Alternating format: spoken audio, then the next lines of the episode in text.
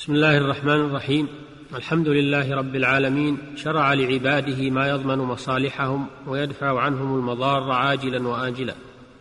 وصلى الله وسلم على عبده ورسوله نبينا محمد أرسله رحمة للعالمين. وعلى آله وأصحابه وأتباعهم إلى يوم الدين. وبعد أيها الإخوة المستمعون. السلام عليكم ورحمة الله وبركاته.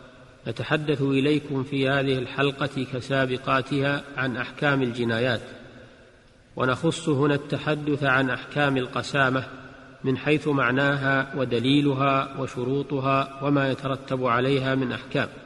فالقسامة لغة اسم مصدر من قولهم أقسم إقساما وقسامة أي حلف حلفا والمراد بها, والمراد بها هنا الأيمان أي أيمان مكررة في دعوى قتل معصوم. تشرع القسامة في القتيل إذا وجد ولم يعلم قاتله واتهم به شخص والدليل عليها السنة والإجماع.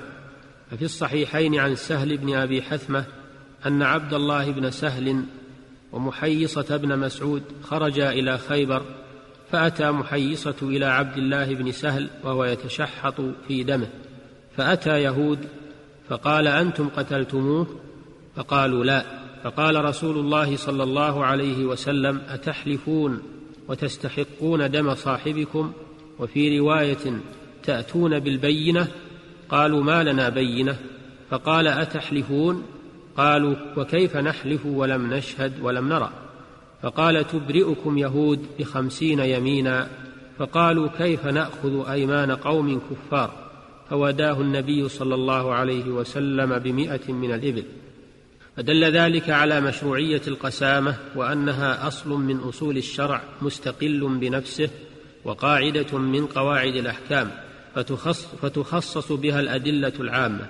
وأما شروط القسامة فمن أهمها وجود اللوث وهو العداوة الظاهرة بين القتيل والمتهم بقتله كالقبائل التي يطلب بعضها بعضا بالثار.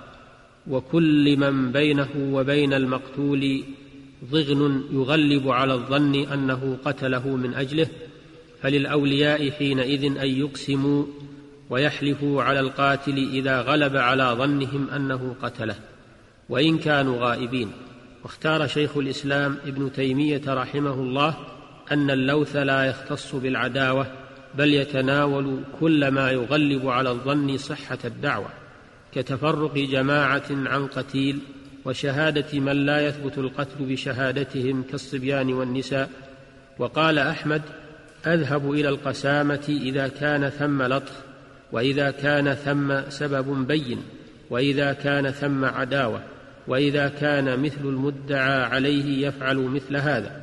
قال شيخ الإسلام ابن تيمية رحمه الله معلقا على كلام أحمد رحمه الله فذكر امورا أربعة. اللطخ وهو التكلم في عرضه كالشهادة المردودة والسبب البين كالتفرق عن قتيل والعداوة وكون المطلوب من المعروفين بالقتل وهذا هو الصواب. وقال الإمام ابن القيم رحمه الله وهذا من أحسن الاستشهاد فإنه اعتماد على ظاهر الإمارات المغلبة على الظن صدق المدعي فيجوز له أن يحلف بناء على ذلك ويجوز للحاكم بل يجب عليه أن يثبت له حق القصاص أو الدية مع علمه أنه لم يرى ولم يشهد انتهى. لكن لا ينبغي للأولياء أن يحلفوا إلا بعد الاستيثاق من غلبة الظن. وينبغي للحاكم أن يعظهم ويعرفهم ما في اليمين الكاذبة من العقوبة. ومن شروط القسامة أيضا أن يكون المدعى عليه القتل فيها مكلفا فلا تصح الدعوى فيها على صغير ولا مجنون. ومن شروطها إمكان القتل من المدعى عليه فإن لم يمكن منه القتل لبعده عن مكان الحادث وقت وقوعه لم تسمع الدعوى عليه. وصفة القسامة أنها إذا توفرت شروط إقامتها فإن الحاكم يبدأ بالمدعين فيحلفون خمسين, خمسين يمينا توزع عليهم على قدر إرثهم من القتيل أن فلانا هو الذي قتله ويكون ذلك بحضور المدعى عليه فإن أبى الورثة أن يحلفوا أو امتنعوا من تكميل الخمسين يمينا فإنه يحلف المدعى عليه خمسين يمينا إذا رضي المدعون بأيمانه فإذا حلف خمسين يمينا برئ. وإن لم يرضى المدعون بتحليف المدعى عليه فإن الإمام يفدي القتيل بالدية من بيت المال كما فعل رسول الله صلى الله عليه وسلم. فإن الأنصار لما امتنعوا من قبول أيمان اليهود فدى النبي صلى الله عليه وسلم القتيل من بيت المال. ولأنه لم يبق سبيل لإثبات الدم على المدعى عليه فوجب الغرم من بيت المال لئلا يضيع دم المعصوم هدرا بلا مبرر لإحداثه وقد اختلف الفقهاء في الذي يثبت في القسامة إذا توفرت شروطها وحلف أولياء القتيل خمسين يمينا والصحيح في ذلك أنها إذا توفرت شروط القصاص بعد توفر شروط القسامة وتمامها أنه يثبت بها القصاص على المدعى عليه. لقول النبي صلى الله عليه وسلم يحلف خمسون منكم على رجل منهم فيدفع إليكم بأمته وفي لفظ لمسلم ويسلم إليكم. فتقوم القسامة مقام البينة.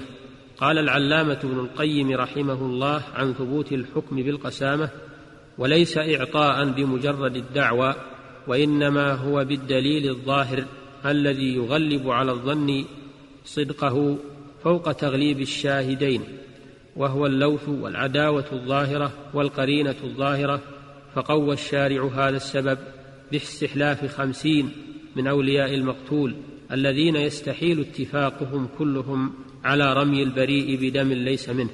وقوله صلى الله عليه وسلم لو يعطى الناس بدعواهم لا يعارض القسامة بوجه فإنما نفى الإعطاء بدعوى مجردة. انتهى كلامه رحمه الله.